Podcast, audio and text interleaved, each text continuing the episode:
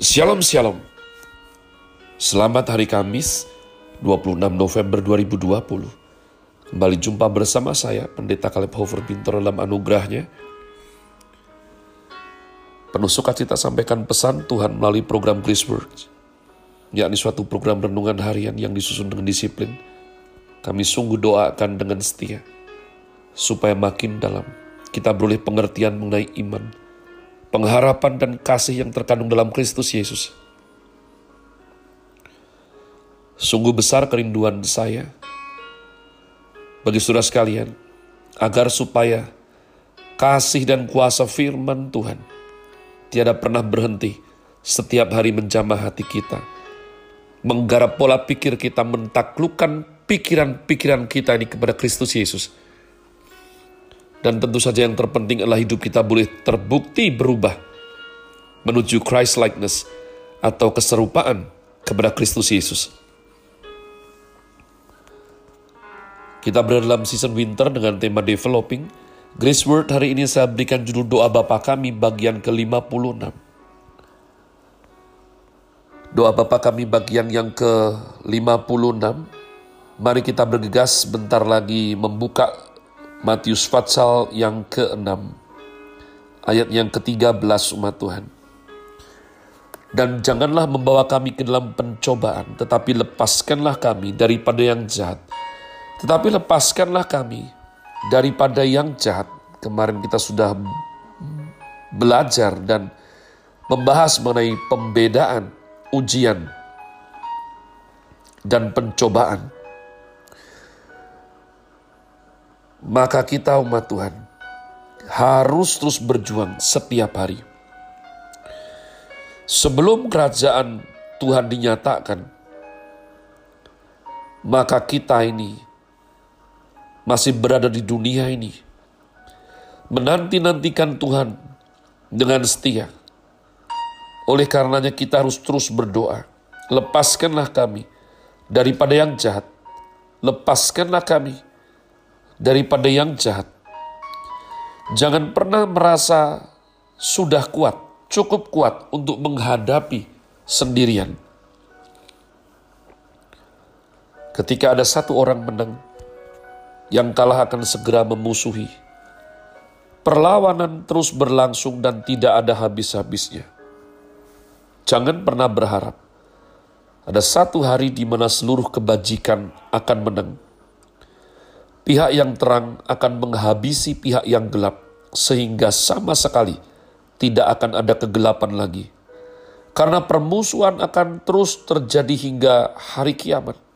Orang Kristen bukan Zoroasterism, bukan Manikaism, bukan dualism tetapi kita percaya bahwa kedua unsur ini terus ada sampai pada hari terakhir, di mana Tuhan sendiri akan mengalahkan kegelapan dan memenangkan semua hal. Maka sebelum Tuhan mengalahkan kegelapan, apakah kegelapan itu pernah mengalahkan Tuhan? Tentu tidak. Apakah Yesus menang atas maut? Sudah menang. Maksud saya oleh karena kedaulatan Tuhan, maka dunia ini masih seperti ini. Ya, untuk memurnikan orang kudusnya, untuk kita mengasah diri sebagai umat pilihan. Oleh karenanya godaan dalam berbagai macam bentuk masih ada. Jadi, bukan karena Tuhan itu belum menang atau kegelapan pernah menang, tidak. Ini yang saya sebut dengan doktrin already but not yet umat Tuhan. Tuhan sudah menang. Tapi kemenangan yang final, kemenangan di mana kita semua sudah gabung dalam kemuliaannya. Itu belum. Walaupun sudah, sudah namun belum. Sehingga kita harus terus berdoa kita harus terus bergantung kepada Tuhan. Kita harus terus bersandar dan berseru, lepaskan aku dari yang jahat. 1 Yohanes 5:19 mengatakan, kita tahu bahwa kita berasal dari Allah. dan seluruh dunia berada di bawah kuasa si jahat. Tidak ada satupun agama yang mengerti kalimat seperti ini. Tidak ada. Tidak ada satupun pendiri agama yang bisa membatalkan hal ini. Seluruh dunia berada di bawah kuasa si jahat. Kita berada di dunia yang untuk sementara ini dikuasai oleh setan. Setan memiliki hak yang diberikan oleh Tuhan untuk sementara boleh menguasai sekian banyak orang di dunia. Ini semua terjadi sebab kejatuhan manusia pertama di Taman Eden. Sehingga kendali yang seharusnya pengelolaan di tangan manusia. Tapi untuk sementara diizinkan untuk dipegang oleh setan. Setan memiliki hak yang diberikan oleh Tuhan untuk sementara. Ketika kita menjadi Kristen, percaya kepada Tuhan Yesus, menerima Tuhan sebagai penguasa tunggal dan juru selamat kita. Mengakui dosa kita, diberikan hidup yang baru. Ini kenapa kita diberikan hidup yang baru, sebab hidup yang lama itu ada dalam kuasa iblis, umat Tuhan. Hanya iman Kristen yang diberikan kalimat yang begitu besar seperti ini. Jadi, kita menjadi salah satu orang yang paling berbahaya bagi iblis. Dan kita menjadi salah satu orang yang sangat berbahagia bagi Tuhan.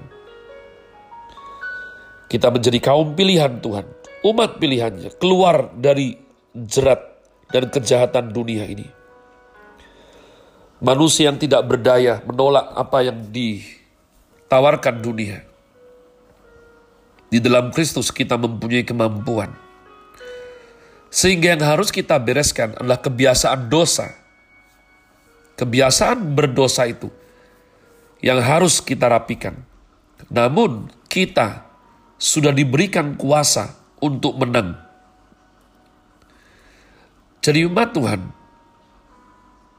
ketika kita menjadi anak, Tuhan Yesus berkata dalam Yohanes 17 ayat 15, Aku tidak meminta supaya Bapa mengambil mereka dari dunia, dari dunia, tetapi supaya engkau melindungi mereka daripada yang jahat.